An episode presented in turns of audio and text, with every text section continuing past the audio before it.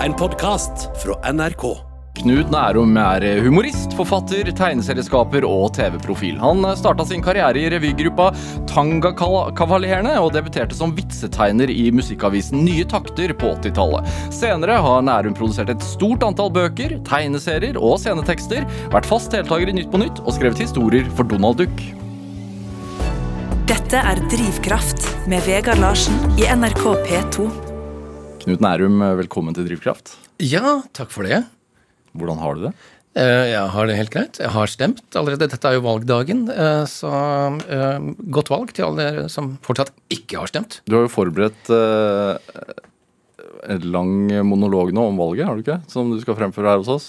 Ja, det er riktig. Jeg har tenkt å ta opp for meg de politiske partiene ett for ett. Jeg kommer bare til å ta eh, ja, 14-15 minutter har jeg tima det til. Nei, vi skal ikke snakke om valget i dag.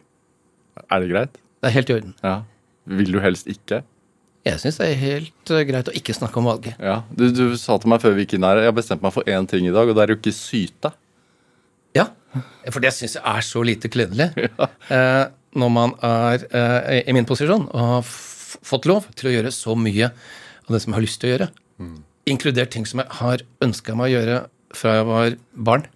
Men satire, er ikke det litt sånn fiffig syting?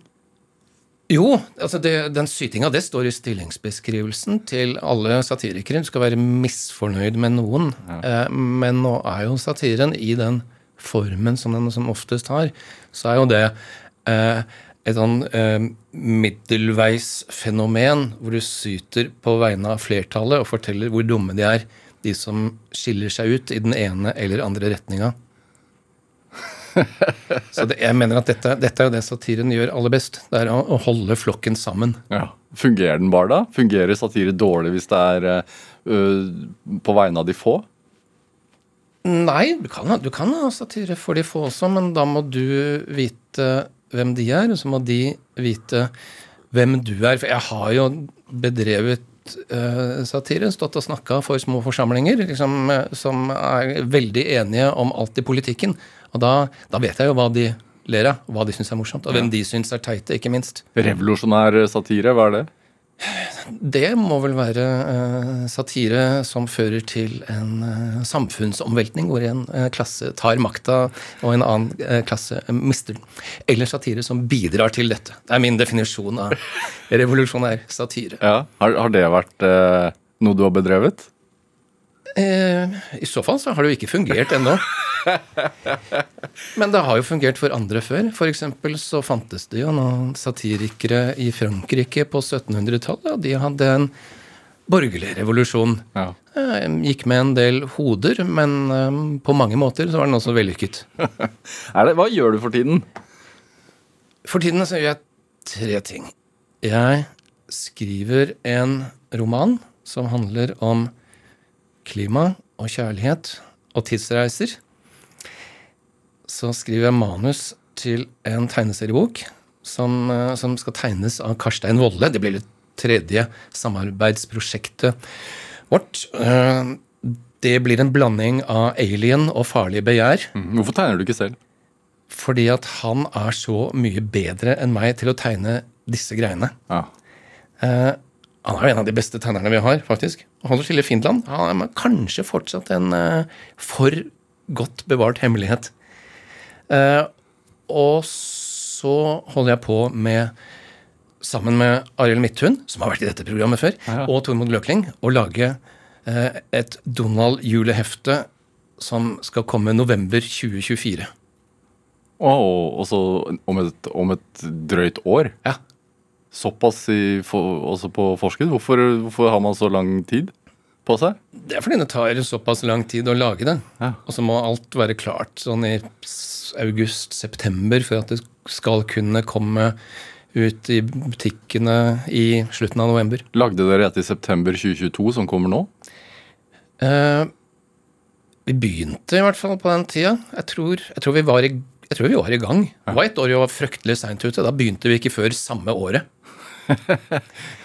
så, så vi tenker på jul eh, hele året. Undertegner e-postene med ho, ho, ho. Når du samarbeider med dem, hva din, hva er din hovedrolle da? Jeg er sekretær og ordensmann. Og så har jeg Hva betyr det? Passe på jeg, jeg tar vare på alle notater og sier Men ble vi ikke enige om dette for et halvt år siden? Um, så er det ofte jeg som uh, hakker ned et synopsis, altså, altså et sammendrag av, av handlinga, sånn side for side, men ikke beskrevet i detalj eller i replikk. Så det er det jeg som gjør. Og så har jeg, har jeg fått denne oppgaven der. at jeg, jeg må ta vare på sentimentaliteten. Så hvis, så hvis det er noen som skal lære noe, hvis du skal ha en sånn følelsesmessig bue gjennom historien, så er det ofte jeg som må bringe den. Hvorfor det, det, faller det på deg, tror du? Det er nok fordi at de andre er eh, mest opptatt av, eh, av action og moro. Altså de tingene som folk ønsker seg av tegneserier. Så, så jeg er liksom han der følenissen. Men er du det? Er du sentimental? Eh, ja, jeg tror det. Jeg håper det. Hva gjør deg sentimental? Filmer. Jeg, jeg syns ikke virkeligheten er så rørende, men jeg blir ofte rørt av film. Hva slags film? Når gråt du sist på du, da du, også, over en film? Encanto.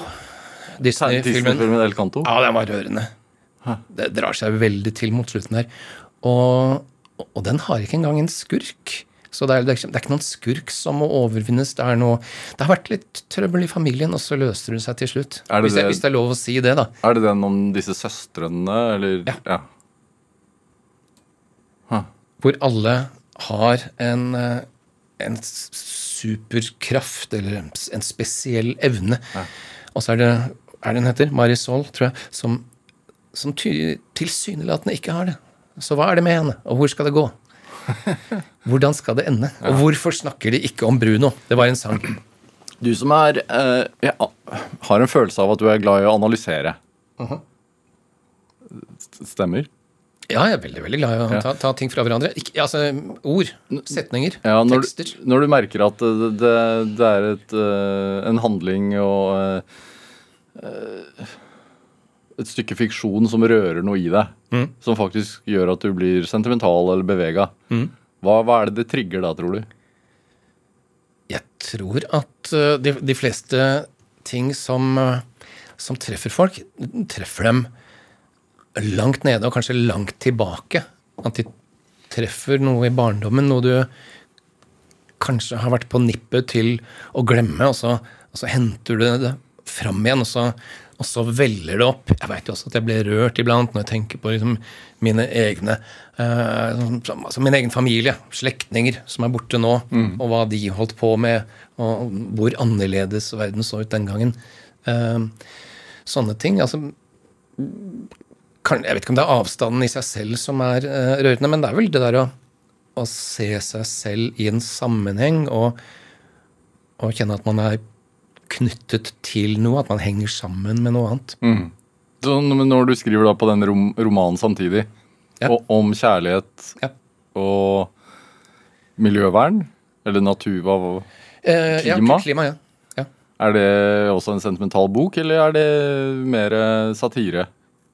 Begge deler, håper jeg. Ja. Som jo er en i utgangspunktet umulig balansegang. Fordi at satire handler om å, å gjøre seg kald og analysere. Ja, det er det. og, og så jeg har, nei, men jeg har lyst til å gjøre alt på en gang. Det er jo det som er problemet her. Mm. Generelt. Det, ja, det er et generelt problem. Hvordan er en dag for deg? Eh, Begynner med papiraviser, kaffe og en banan. Jobber noen timer. Spiser frokost. Jobber hjemme aleine. Hvordan, på hjemmekontor? Ja, så da, nei, da sitter jeg og skriver uh, Hvordan ser det ut på ditt hjemmekontor? det, Jeg har et vindu. Det er jeg glad for. Eh, Det er alle som eh, har eh, kommet med råd om hvordan hjemmekontor skal se ut, sier at du, du bør ha et vindu som det går an å se ut av. Og så bør du se noe himmel. Ja, det har jeg, så det, det setter jeg pris på. Så har jeg en vegg som er dekket av bokhyller, og så har jeg en vegg som er dekket av bilder, tegninger og ja, ting som er laget av folk jeg, stort sett folk jeg har jobba med, som, jeg, som er flinke. Som jeg vil ha på veggen. Forresten to vegger med bøker. Er det, det er ditt rom? Ja. Ja. Ja, ja det, ingen andre går inn dit. Det er, det er knapt så jeg selv kommer inn. Er det inspirerende på noe vis? Jeg føler meg inspirert av å ha bøker i nærheten. Bøker i fysisk format. Hadde ikke blitt like inspirert av å ha eh, eh, nettbrett eh, pad liggende der. Nei det, nei, det hadde ikke blitt det samme. Hmm. Men hvordan er arbeidsuken? Har du fem dagers arbeidsuke, eller er det For du- er jo frilanser. Du Ja, har ja. masse prosjekter Ja, nei, altså, det er vel, det er vel fem, fem dager pluss, fordi at eh, jeg, jeg lager en tegneserie for avisa Klassekampen. Det er en halv side uh, i, på trykk i avisa hver lørdag. Er det streberne? Det er streberne. Og mandag skriver jeg alltid manus, sender det til redaktøren, som, uh, som leser det og sier, uh, melder tilbake ja, dette var fint, tegn det. Og for å rekke å Blir du refundert noen gang? Refusert? Refusert, unnskyld. Nei, men det hender det kommer noe innspill. Eh, og bare sånn, nei, småpel. Kanskje ikke sånn, men sånn. Så blir det litt bedre. Ja. Uh, med mindre det er et dårlig forslag. Da tar jeg det ikke. Uh, men jeg skriver da manuset på søndag, og da har jeg ofte skrevet litt lapper til meg sjøl og kanskje begynt på manus søndag kveld, fordi at jeg liker å vite at jeg kan gå rett på på mandag morgen. At jeg ikke blir sittende og klø meg i huet. At ikke det er begynnelsen på uka. At jeg ikke kommer noen vei. Ja. Hva kan et manus handle om? Altså Denne uka så handler det om Andrew Tate. For jeg har to hovedpersoner som heter OC og Pynken. Og det de holder på med, det er at de alltid prøver å bli rike fort på et eller annet som er populært nå for tida.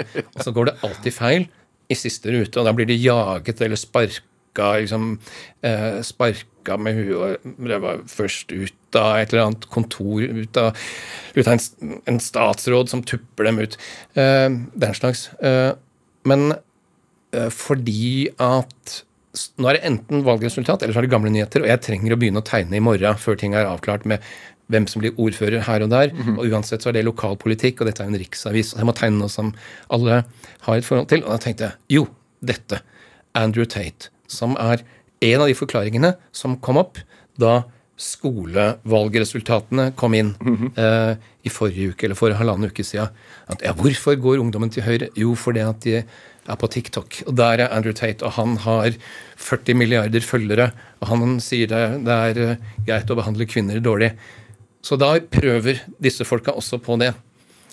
Og så, så de tar på seg den hvite singleten og, og røyker eh, sigar og snauer skallen. Prøver å appellere til ungdommen på den måten. Følg oss, sier de. Men de er selvfølgelig gamliser, så det fungerer ikke. Uh, og så er det uh, ja, nå, nå, nå spoiler jeg jo alt det som skal stå på trykk på lørdag. strengt tatt. Jeg kan si såpass som at menneskehandel blir involvert. For Andrew Tate, eh, ungdommens helt, er jo dømt for dette i Romania. Ja, og da, Hvor mye koser du deg når du holder på med dette her? For det, det, er ikke så store penger i, i disse stripene, antar jeg. Ja, altså det mm, jeg, jeg tror sånn Jeg tror timelønna for å lage tegneserier er nok litt under en lærerlønning. Eh, så, men, eh, men det går jo rundt. Så derfor så, så Jeg har andre ting da, som er mindre arbeidskrevende, og som er bedre betalt. Mm. så sånn sett så er jeg kjempeheldig som, som kan gjøre dette. Som jeg er glad i, og som jeg har tatt opp igjen nå for et par år siden. For at det, det lå brakk i, i 20 år. Og så begynte jeg å lage tegneserier igjen. Så for, På 90-tallet så tegna jeg først for eh, Ny Tid, avisa til eh, partiet eh, SV. Og så, og så hadde jeg noen år i Dagbladet, og så slutta jeg ved årtusenskiftet. Så veldig glad for å komme i gang igjen, for jeg merker at ja, det er dette, dette er en av de tingene jeg liker aller best å holde på med. Så det er som å finne tilbake til en gammel hobby. Ja, ja, ja. Ikke sant? Og så har jeg lagd tegneserier fra jeg var åtte eh, før det. Så fra jeg var åtte til år 2000. Og så ta det opp igjen nå. Eh, så det, mitt mål er det, er nok det. Er nok det. Jeg, skal bli, eh, jeg, skal, jeg skal bli mest mulig lik det jeg var som, som barn og ungdom. Finne tilbake til det. For jeg tror jeg, tror jeg på flere måter var et bedre menneske den gang. Dette er Drivkraft med Vegard Larsen i NRK P2. Og i dag er eh, forfatter og tegneserieskaper Knut Nærum her hos meg i Drivkraft på NRK P2.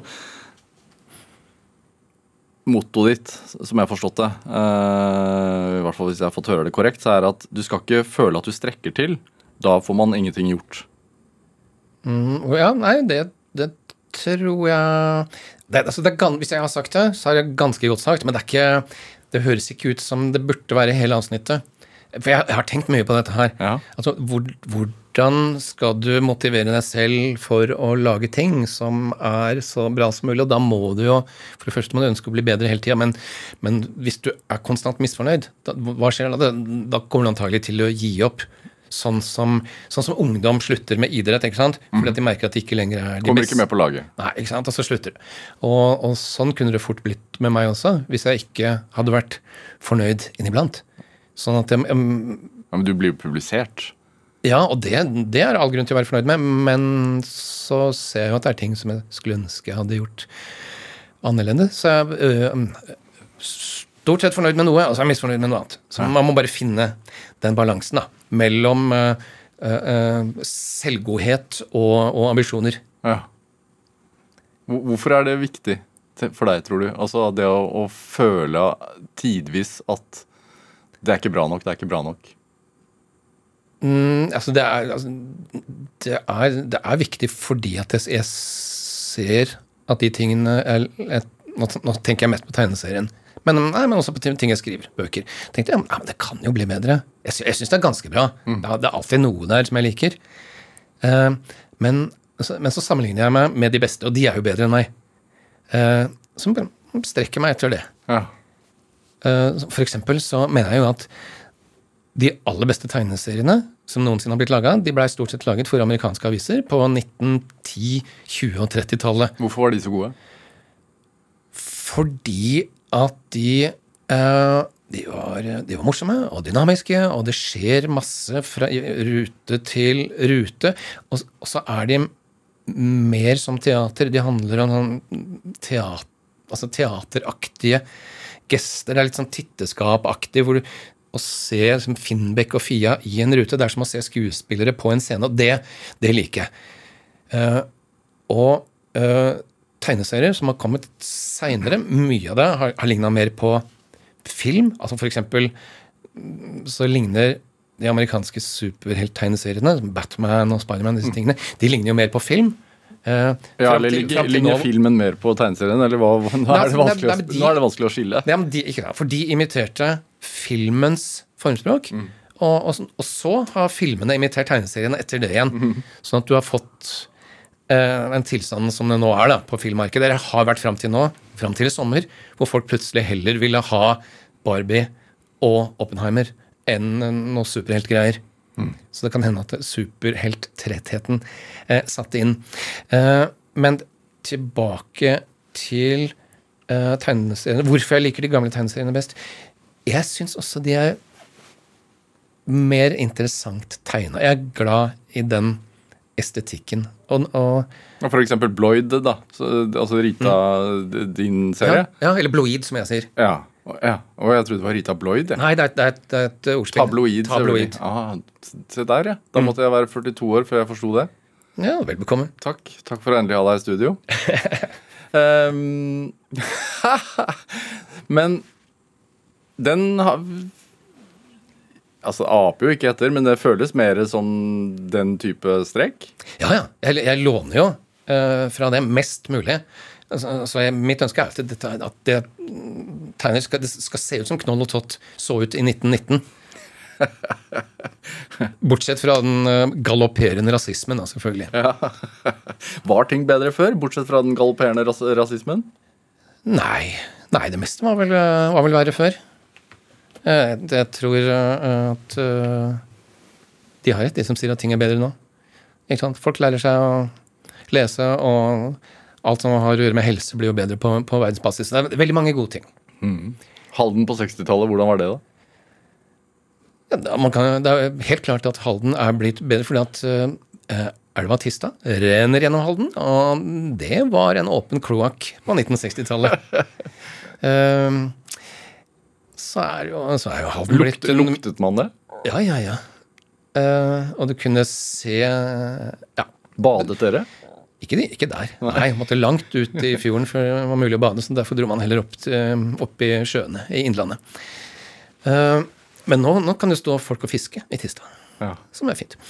Uh, el, ellers uh, Halden på 1960-tallet Hvordan det var? ja. Hvis du skal beskrive det som en tegneserie Som et tegneseriemanus? Ja. jeg syns jo tegneserier er best med tegningene. Eh, jeg, jeg har jo forsøkt å ta litt notater. Jeg, jeg skrev en liten bok som kom i våres, eh, som egentlig handler om debutalbumet til Halden-bandet Frontpage. Eh, så kom en plate som het Qualified i 1981. Ikke sant? Og da måtte jeg jo tråkke mine egne spor, gå tilbake eh, til den gangen jeg bodde i Halden. For jeg bodde jo der i, fra før jeg begynte på, på barneskolen, og til jeg gikk ut av åttende. Så jeg har jo, har jo mange minner derfra. Eh, og, og det er ganske todelt. For det første store mengder utelek. Fotball og kruttlapppistoler. Veldig mye sånn kruttbasert lek. Veldig gutteaktig. fordi man blir jaget ut? Eller fordi at det ikke var noe å finne på inne? Ja, det var jo ikke noe Nei, det var jo ute det skjedde. Det var der man ville være. Ikke sant? Vi lekte Pøsengård mellom, mellom rekkehusene, og, eh, og, og, og vi lekte ute. Og vi eh, kappa land. Så vi lekte med skarpe ting og, og, og, og krutt. Jeg tror det var liksom eh, Antagelig ville ikke blitt godkjent av HMS-regler nå. Eh, nei, men det var spennende, og det var gøy. Hvem var, hvem var familien Nærum, da? Uh, hvem de var? Det var uh, mine foreldre og min eh, yngre søster. Så vi var, vi var fire. Ja. Hva gjorde de? Moren og faren din? Uh, min mor, hun, eh, hun har forsøkt seg på litt av hvert. Hun eh, jobbet på hotell. Hun jobbet i eh, keramikkindustrien, og så tok hun en Som, som keramikkunstner, eller? Nei, nei, som, eh, som eh, Altså, nei, vaser. Ja. Som mer industriell produksjon. Ja. Arold-fabrikken i Halden. Fins det ennå? Nei.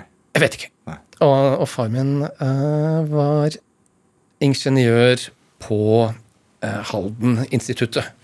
Instituttet for atomenergi. Atomen, som det het den gangen. Ja. Ja. Eh, altså når jeg, jeg sier var, bare sånn De lever begge. Ja, ja, men var, de jobbet jo den gang med det. Ja, det er riktig. Det var. Bare sånn at det ikke høres ut som om jeg tror de er døde, for jeg vet at de ikke er det. Det er ikke så lenge siden jeg så dem. Ja. Men uh, ingeniører var Har du din logiske sans derfra? Nei, antagelig ikke. Nei, jeg er veldig dårlig eh, med realfag.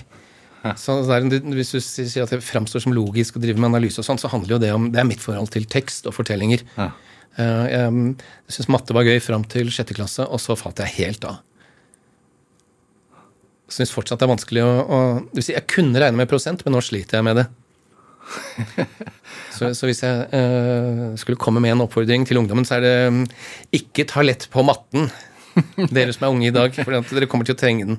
Er det ø, Knut Nærum som barn, da? Som romanfigur, hvem var du? Ja, nei, men, nei, men det, det var den andre delen. Altså, for første delen er at vi lekte mye ute Ja. uh, med farlige ting. Uh, og den andre delen er at jeg, jeg satt jo mye inne også. Fordi at jeg leste. Jeg likte å lese, jeg likte å være uh, aleine. Lærte å lese tidlig? Ja, ja. Altfor tidlig. Så har, det, det, og det fins masser av bøker som jeg leste før jeg var moden nok til å skjønne dem. Som for eksempel? Nei, nå kommer jeg ikke på noen. Men, men jeg, leste, leste alt. Uh, så, så altså fra, Men det at du sier at du leste noen bøker for tidlig uten at du var moden nok egentlig, ja. hva lærte du av det, da? For tidlig? Jeg lærte at her er det noe jeg kanskje kommer til å skjønne seinere. Jeg, jeg kan ikke huske at jeg syntes noe, at bøker var dumme fordi at jeg ikke skjønte dem. Så det er vel greit å mm, være klar over det. At ting ikke er dumme fordi man ikke forstår dem. Um, men uh, tegneserier, ikke sant? Fordi at dette var den gangen tegneseriene var et massemedium. eh, så man kunne eh, låne en pose tegneserier, en, flere kilo tegneserier av en kamerat, og ta med seg hjem. Og ligge, ligge på, uh, på magen på gulvet og bla seg gjennom. Hvorfra? Hva slags tegneserier? Ja. Nei, det, det var jo alt. Uh, men uh, ikke sant altså, altså, Donald Ikke Donald, det lånte jeg ikke, for det abonnerte vi på. Men, uh, men Tempo og, og, og Skrekkmagasinet og Iskalde Grøss og Tomahawk og Batman, som den gang het Lynvingen. Lynvingen. Ja. Ikke sant? Og så disse her småheftene. Um, Will West og Davy Crocket og sånne ting. Um, Sabotør Q5, Bajonett-serien. Masser av ting som uh, bare menn i en viss alder veit hva er. Hva trigget det i deg, tror du? Uh, ja, for det første uh, så, så ble det tydelig uh, For det første så ble det ganske tidlig klart for meg at, eh, at virkeligheten er kjedelig sammenligna med fiksjonen. Så jeg har alltid oppsøkt fiksjonen. Uh, og for det andre så begynte jeg å lage tegneserier selv, sånn ganske tidlig. Sånn i, i, i kladdebøker. Tomme kladdebøker. Men tegna med, tegna med én blyant. Uh, så jeg hadde lyst til å være en av dem som lagde dette. Akkurat som du hører et band og får lyst til å spille i et band. Du vet, du har den der historien om, at, om Velvet Underground. Det var ikke så mange som kjøpte det første albumet, men alle som hørte det albumet, starta sitt eget band. eh, så jeg, nei, jeg leste tegneserier. Fikk lyst til å lage. Starta band nå, gjorde du ikke det? Eller var med i band? Eh, jo, jeg er fortsatt med i et band. Ja. Det er, det er samme bandet siden eh, 1981. Eh, vi, har, vi hadde riktignok et par tiårs pause, men vi spilte på en festival i Kristiansand nå i sommer. Ja. De Stundesløse. Er det det med å få en tegneinteresse fra tidlig Det oppstår jo da kanskje fordi at man ja, leser tegneserier og blir interessert og har lyst til å skape det selv. Ja. Men, men, men fra det å uh, legge masse tid og krefter i det, og, og tegne og tegne og tegne, for det, det er det man må 10 000 timer. Ja, sikkert, og ikke sikkert mer. Eh, Ja, nei, men Det er jo det de sier. 10 000 timer for å bli virkelig god til som hva helst. som helst. Ja. Ehm, hvorfor det, tror du? Jeg, jeg vet Hva, hva, hva er det som er fint for deg når du liksom skaper noe på arket? Men det, det, er, det er to typer anerkjennelse. ikke sant? Det er den du får av andre, og så er det den du gir deg selv. Og jeg husker jeg, jeg satt og tegna. Eh, fordi at jeg liksom jeg, jeg, jeg pleide å tegne, og så til nærmeste voksne så sa jeg, se på denne. Ja. Ikke sånn 'se på denne, er ikke den stygg'? Eh, jeg, var, jeg var ganske fornøyd med meg selv allerede den gangen. Eh, og så sa de 'jo, den var fin'. Og jeg har fortsatt i en kasse et sted, så er det en, en tegning jeg lagde. Da var jeg kanskje kanskje sju-åtte år gammel. Og det er en tegning av en stor fisk som, med, med gapet åpent som jager en liten fisk. Og fra den lille fisken så kommer det en, en tenkeboble, og i den tenkeboblen så står det eh, 'Faen, den politikken'. Eh, og, og den viste jeg til voksne, og de tenkte å, dette var klokt. Det, men jeg, jeg vet jeg, jeg visste aldri den gangen dette har jeg laget bare for at voksne skal klappe meg på hodet og si mm, 'nå var du flink'. Så det er, det, det er et falsum. Det det er bare juks. Jeg, jeg skjønner ikke vitsen, jeg. Nei, jeg tror vitsen er at de store spiser de små, sånn er det i politikken. Ja. Men det er ikke engang jeg, jeg tror det var det de voksne så i den tegningen den gangen. Men jeg er ikke sikker på at det var det eh, jeg ønsket å legge i det. Jeg hadde antagelig bare bladd i noen aviser, fordi vi hadde papiraviser. Og, og så har jeg sett vitsetegningene, de politiske kommentartegningene. Og så har jeg sett, kanskje sett noe med en fisk, og så er det noen som sier noe. Og så har jeg forsøkt å lage noe som ligner. Var, var det et politisk hjem? Eh, ja, det tror jeg det var. Eh, vi hadde i hvert fall eh, valgvake under eh, den, den første EF-avstemninga på tidlig 70-tall. Da, da var huset fullt av studenter. Ja. Eh, god stemning. På hvilken side? Det var eh, nei-sida, hørtes det ut som. Ja. Var det mye faen ta politikken? Eh, nei eh, Altså, på hvilken måte? Nei, i forhold til det, det som ble uttalt. I forhold til at, de store at jeg spiser de syntes- små. At jeg, At, at jeg syntes politikk var nei, at du hørte det, overhørte det. Nei, det kan jeg ikke huske. Men jeg, men jeg, men jeg husker jo at denne EF-kampen, uh, uh, den øh, foregikk jo helt ned i på, Hvilken klasse gikk jeg i da? Uh, sjuende, kanskje. Eh, hvor, hvor, hvor man gikk både ja- og nei-merker. Men da var det vel som, det vanligste var sånn at du, du, du gikk med det motsatte av det foreldra dine sa de hadde tenkt å stemme. Ja, så du gikk med ja-merk? Eh, jeg tror ikke jeg hadde, jeg tror ikke jeg hadde merket. Knut Nærum, vi skal spille litt musikk. Um, du har med en Scott Walker-låt. Ja. 'Such a Small Love'. Mm. Det er den sentimentale siden av det? Den er, den er forferdelig sentimental. Uh, og så har den også uh, noe sånn flott dissonans i det der store orkesteret som ligger under der og rumler. Ja.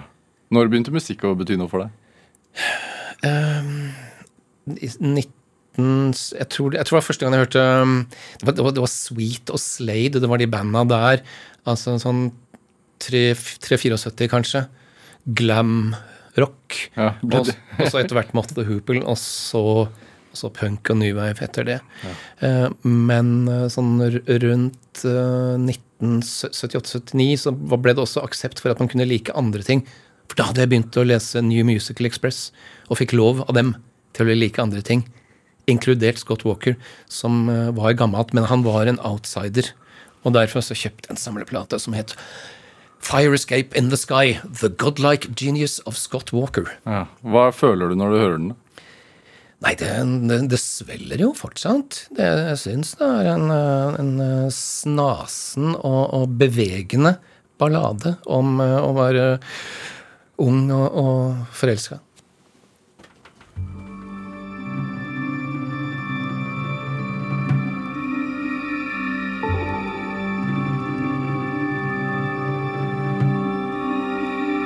Mist falls, and his voice cracks from the morning. Flowers, and my body feels like lead. Someone should have stopped the birds from singing today. Hammers from striking nails into clay. Face penetrates the blue gray morning. her eyes. Pregnant pools produce a tear. Someone should have shouted you had gone in her ear. That summer was stolen away.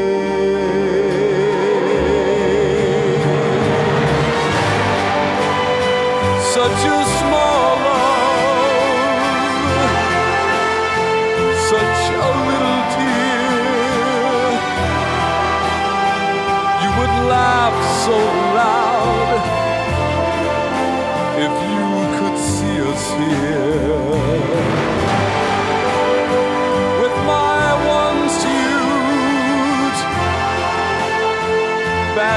pressed and worn like a child left in the world.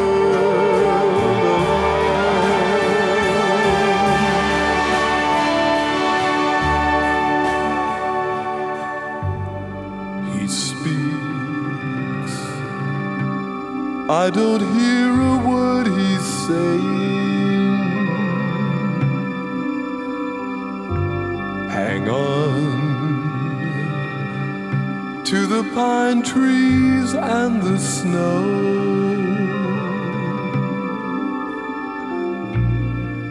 Reach out, grab the memories that are left for your hand.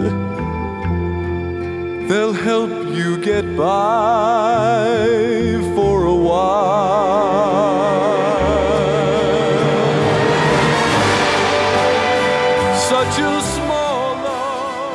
Ja, Du fikk en eh, smakebit av Scott Walkers 'Such a Small Love' her i Drivkraft på NRK P2. Valgt av dagens gjest her i Drivkraft, nemlig forfatter og tegneserieskaper Knut Nærum. Eh, Populærkultur som identitetsmarkør, hvor vesentlig har det vært i livet ditt? Det har vært uh, alt. Jeg har eh, eh, Ja, jeg, har, jeg tror jeg har vært de tinga som jeg har likt opp igjennom. Og det, nei, det har vært viktig for meg. Eh, liksom, eh, fra, fra da jeg gikk jeg, For at jeg var liksom på Jeg hadde noen år hvor jeg var uh, the only punk in the village. Hvor, hvor, hvor i landet var Nei, det var Grimstad videregående, hvor, eh, hvor jeg pussig nok var den eneste som hadde god musikksmak. Veldig merkelig. um, eh, jeg har jo skjønt i ettertid at det kanskje ikke var sånn, men det var det jeg trodde. At jeg var den eh, eneste um, som, som hadde peiling. Og det føles ganske bra, gjør det ikke? På, Jo- på, jo- på ett vis. Jo, det er bra, men det er også uh, ganske ensomt, ikke sant? Så, da, uh, så det jeg gjorde med den, det var at jeg liksom uh, fant noen sjelefrender i musikkpressen. Sånn at ville, og, og ville bli en del av det. Så tegna jo for musikkavisene utover på, på 80-tallet også.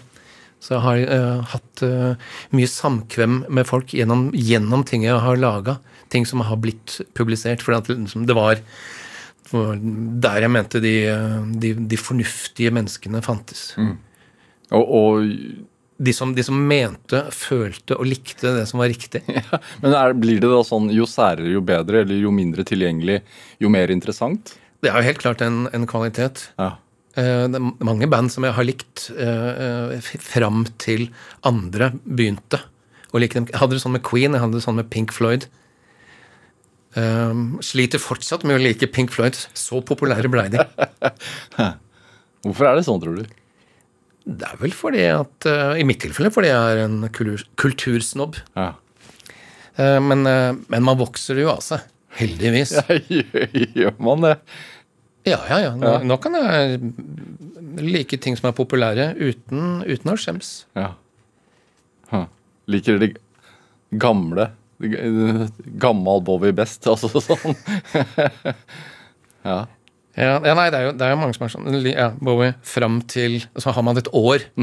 Alt fram til da. Nei, jeg liker uh, Siden du først sier Bowie Nei, jeg liker alt. Er det, uh, på hvilken måte påvirker den innstillingen eh, egne produkter? For det må jo gjøre det nærmest altså tilnærmet umulig å, å skape noe selv. Kanskje ikke nå da, som du har blitt voksen som du sier, og ikke bryr deg så mye, men, men tidligere?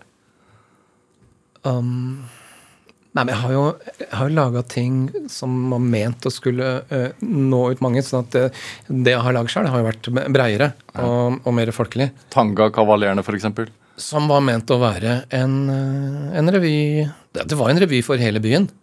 Det- Så det kom jo unge folk og gamle folk Da da vi holdt på med dette her i, mange somre Ja. på, på Sørlandet på 80- og begynnelsen av 90-tallet. Var, var det et produkt av skolegangen i Grimstad, eller hva? Nei, det var et produkt av Studentrevyen. For jeg, jeg hadde noen år på den daværende høyskolen, Agder distriktshøgskole, eh, i, i Kristiansand, det som er blitt Universitetet på Agder. Uh, og da var jeg med i en uh, Spilte revy når det var studenteruke. Ja. Og en av de revyene fikk en avlegger da, i form av en sånn kvartprofesjonell gruppe som het Tangakavalerene, som spilte sommerrevy. Vi var ganske populære.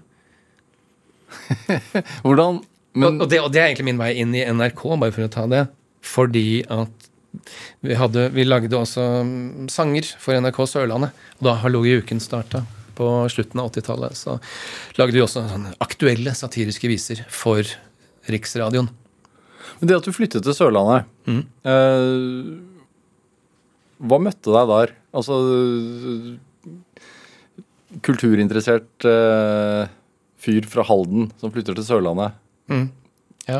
Via 9. klasse på Værøy i Lofoten. Det må, må også sies. Eh, men nei, å, å, å komme dit Du ble jo der i mange år. Eh, Jeg gikk eh, altså, tre år videregående i Grimstad. Ja. Og så et år på folkehøyskole, Skjeberg. Og, og så Kristiansand. Så det har vært litt, litt fram og tilbake. Men det å komme til en ny by og skulle begynne på, på videregående, nei, da må man jo bare orientere seg og henge med. Prøvde å spille fotball på Jerv. Det funka ikke. Uh, Slutta med det. Begynte å spille amatørteater. Så der fant jeg jo mine folk. Ja. Hva, hva er det beste med å stå på scenen, da? Det er uh, samspillet når det svinger, og så er det reaksjonen fra salen når du klarer å skape den. Ja. Spilte, vi, vi spilte mest um, komedier mens uh, så, så, så lenge jeg var der. Uh, og, det, og det å få folk til å le, det kjennes godt. Når følte du på det første gang, tror du? Det var klassens time i sjette klasse på Os skole i Halden. Da Terje og jeg skulle ha et opplegg sammen. Og jeg tok på meg rød klovnenese og framførte 'Du skal ikke trø i graset' av Einar Skjæråsen. Eh, Og det var gøy, for nynorsk var i seg selv forferdelig komisk for oss. Eh, Jeg kan ikke lenger stå inne for dette, beklager. Um, Og så framførte vi en dialog som han hadde på en LP med Leif Juster og Einar Rose om Prammen og Madammen. Så spilte jeg Einar Rose-rollen, og, og, og Terje var Juster. Og da lo folk også. Ja. Hvor god hukommelse har du, Nærum? Nei, jeg husker ikke mer enn dette. Dette er alt jeg husker. Hæ. For du slår meg altså, Du husker eh, navn på album nav, Altså, du Årgang du, du, Ja. Det virker som som du har ganske god hukommelse. Ja, om, om det kan være noen trøst, så er jeg dårlig med bursdager. Hvem fikk føle på det sist? Alltid kona. Ja, nei, den har jeg sånn noenlunde kontroll på. Men er det Det med satire som form, er det Fordi du har jo aldri gjort noe særlig standup. Du har gjort revy, eh, du har gjort scenetekster. Ja. uh, Du har gjort vitsetegninger Ja. uh, og, og tegneserier med, med humoristisk punch. Mm. Hvorfor aldri standup? Hvorfor aldri gått den veien? Fordi det ser fryktelig vanskelig ut. Nei, altså, jeg har den største respekt for, for de, som, de som gjør det. Eh, jeg tror jeg sa noe annet en gang. Det var forferdelig dumt av meg. Jeg angrer fortsatt. Jeg skulle bare tøffe meg for en journalist. Eh, men jeg, jeg er jo i utgangspunktet ikke en utøver. Jeg er jo en som skriver. Ja. Eh, og, og de der åra jeg satt i Nytt på Nytt, så tenkte jeg nei, men nei, jeg sitter jo egentlig her som forfatter som framfører de vitsene som jeg har pønska ut tidligere i uka. Så selv om jeg, um, jeg, jeg tror jeg var ganske god som, som amatørskuespiller i ungdommen. Søkte på Teaterhøgskolen, Søkte på teaterskolen. Um, øh, røyk ut i første runde. Uh, og da, da tenkte jeg nei, det var kanskje ikke det jeg skulle gjøre. Uh, så det, det Hvorfor ga du opp der når du ikke gir opp ellers? Jeg tror det kan ha vært jeg, jeg tror det at jeg ga opp, er et tegn på at jeg ikke var tilstrekkelig motivert. Så det var kanskje bare enda uh, et uttrykk for at jeg hadde lyst til å gjøre alt. Inkludert å være skuespiller. Ja, altså, også Som skuespiller så fremfører man jo som oftest andres tekster, Ja. eh, og ikke ens egen. Ja, ja. ja nei, det er jo det, er jo det altså. Eh, det, det er jo særs krevende å være skuespiller og skulle stå der på en scene og gjøre det nytt. Få det til å bli nytt hver kveld. For hvis ikke det blir nytt, så er det jo, så er det jo dødt. Det er jo dødelig teater. Er du forfengelig, da? Eh, på hvilken måte? I forhold til det å få ros? Ja, ja, ja. Eh, Jeg er eh, altfor opptatt av det. Dette er noe jeg har forsøkt å, å jobbe med. Så eh, i, i he, altså Helt siden ungdommen så har jeg spart på meg sjøl når jeg har stått i avisa om noe jeg har gjort. Også i internettid. Uh, tid. Så jeg har skrevet ut ting fra nettet. 'Å, her er noen som har skrevet noe hyggelig om noe jeg har skrevet eller tegna eller sagt.' Det klipper jeg ut, setter inn i en perm. Uh, For hvem? bare til meg sjøl. Ja. Så jeg har, eh, jeg har arkivert meg sjøl og kasta flere kilo av meg sjøl i forbindelse med en flytting nå i fjor. Og det, det kjentes godt. Det var en, det var en bør hvor det omsider gikk, opp for meg, at nei, dette trenger jeg ikke holde på med. Hæ. Det, det fins et eller annet sted hvis jeg har lyst til å se det igjen. Og dessuten så har jeg ikke sett på det siden jeg, siden jeg satte det inn i permen, så jeg, kanskje jeg ikke egentlig er så interessert i å ha det likevel. Men hvorfor tror du at du gjorde det i utgangspunktet? Eh, Det er jo fordi at jeg kommer fra gamle dager, mm. hvor alt var fysisk format. Og hvis ikke du hadde det, så fantes det ikke. Eh, Det, det er min forklaring. Og at eh, jeg ikke klarte å fange opp eh, når det skjedde, at man kanskje var i avisa en sjelden gang. Vet du, jeg, var, jeg, vet dette. At jeg som ungdom så, så var jeg opptatt av å bli berømt. Og jeg gikk rundt for meg selv i gatene i Halden og Grimstad og improviserte intervjuer med meg selv. Jeg tenkte på hva jeg skulle svare en gang i framtida når jeg ble berømt for et eller annet. Ja. Hvilket var det et spørsmål du ønsket deg? Nei, det kan jeg ikke huske. Eh, men jeg vet at jeg Da kunne du fått det nå, nemlig. Ja, ikke sant. Eh, nei, men jeg vet at, jeg, at jeg tenkte i, i de baner. Var det tilfredsstillende, da? Å bli Å, det? å tenke på det, Nei, å bli det. Ja. Ja, Det var litt uh, Det var litt skuffende. liksom Alle disse åra, og fortsatt ikke én invitasjon til å være med i Skal vi danse. Er det sant? Ja. ja. hva hadde du sagt? Jeg hadde sagt øh, 'hva tar du meg for'? Men jeg har altså ikke fått anledning til å si det, så det er, det er Jeg vet ikke hva som har skjedd der.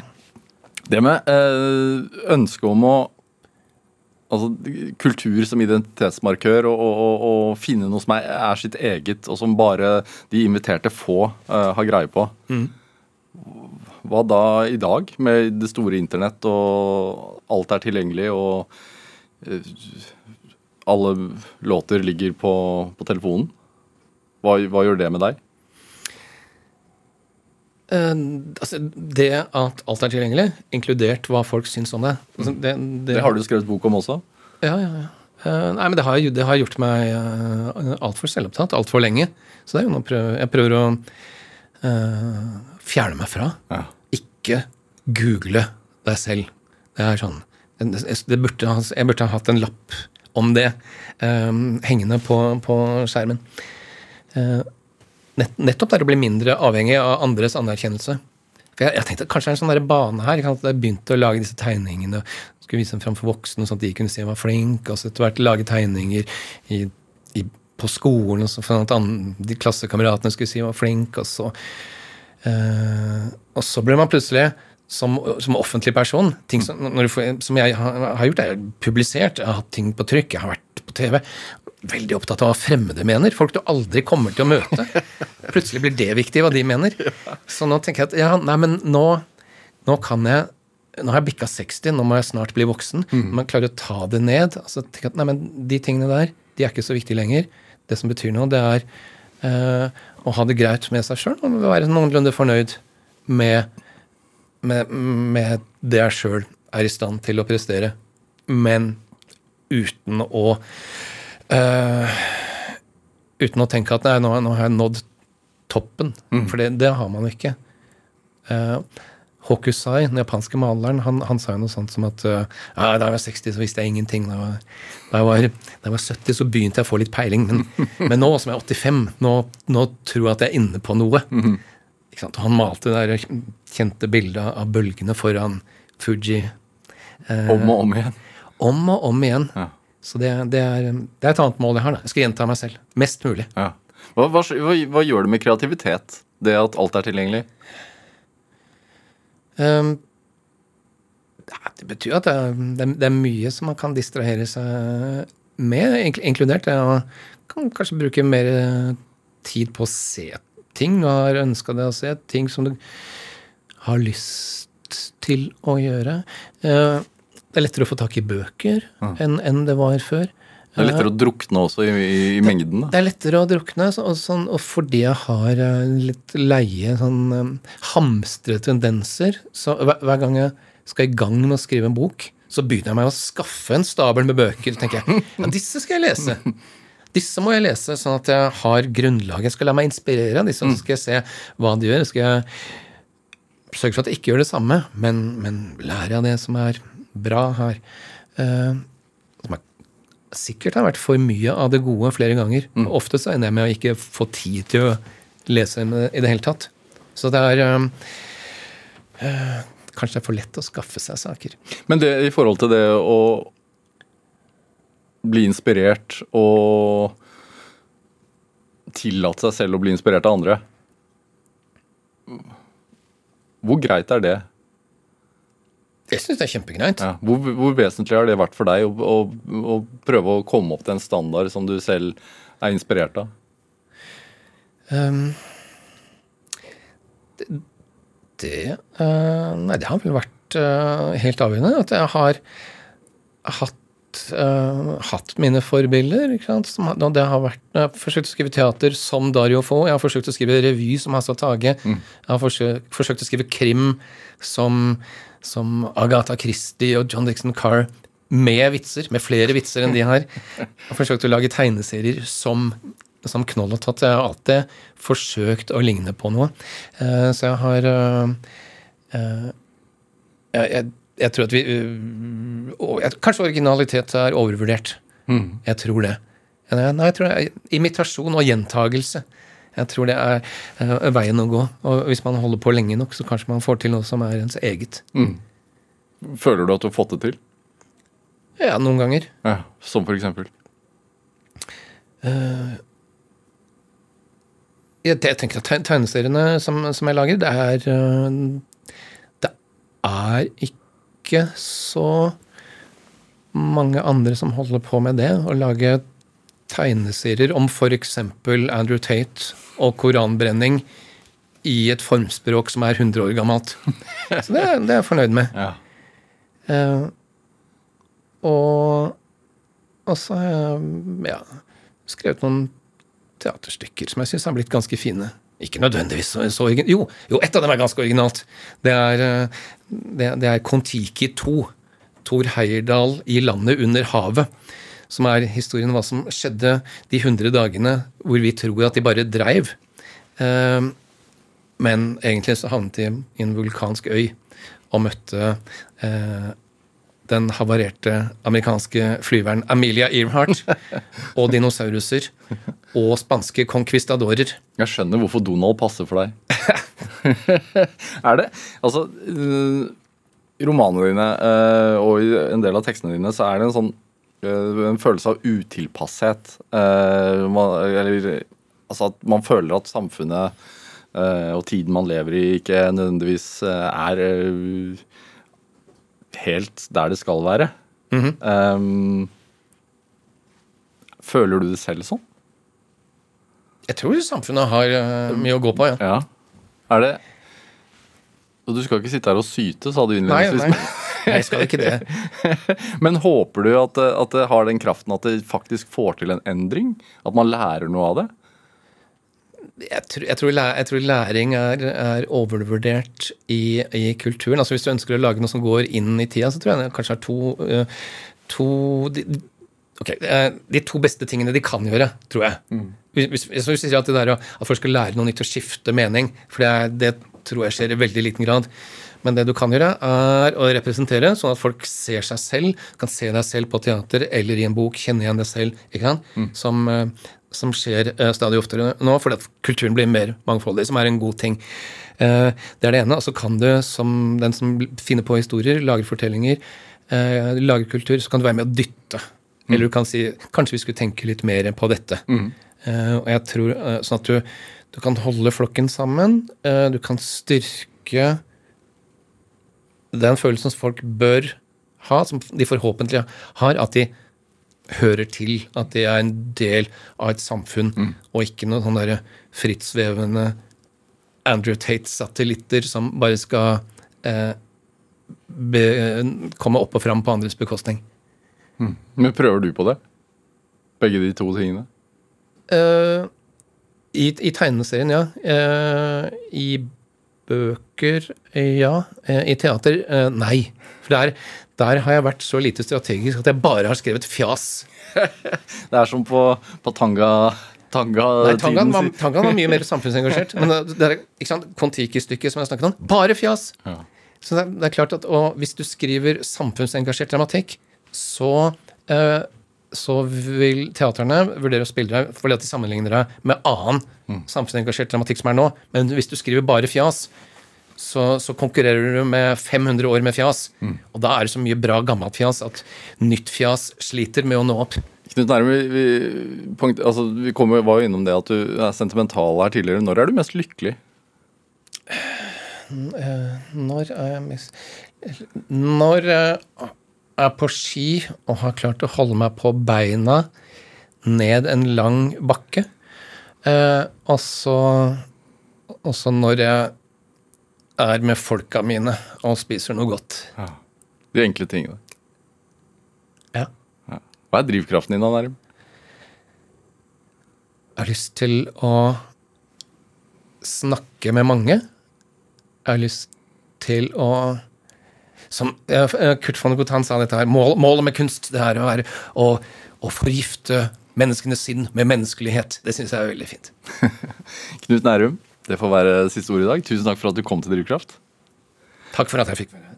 Hør eh, flere samtaler i Drivkraft på nrk.no eller i appen NRK Radio.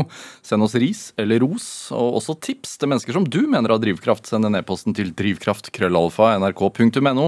Vi hører veldig gjerne fra deg. Produsent i dag det var eh, Melody Holst Talebi, mens eh, Solveig Sørbø bidro med research til eh, denne sendingen. Dette var Drivkraft. Jeg heter Vega Larsen. Vi høres. Du har hørt en podkast fra NRK. Hør alle episodene kun i appen NRK Radio. Hei, jeg heter Jeanette Platou. Liker du som meg å følge med på det som skjer?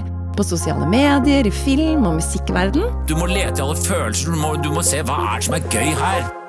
Hver uke inviterer jeg gjester som tar deg med bak de store overskriftene og diskusjonene. Ja, jeg tror kanskje jeg lander på ja etter å ha hørt en time. Hør Arena i appen NRK Radio.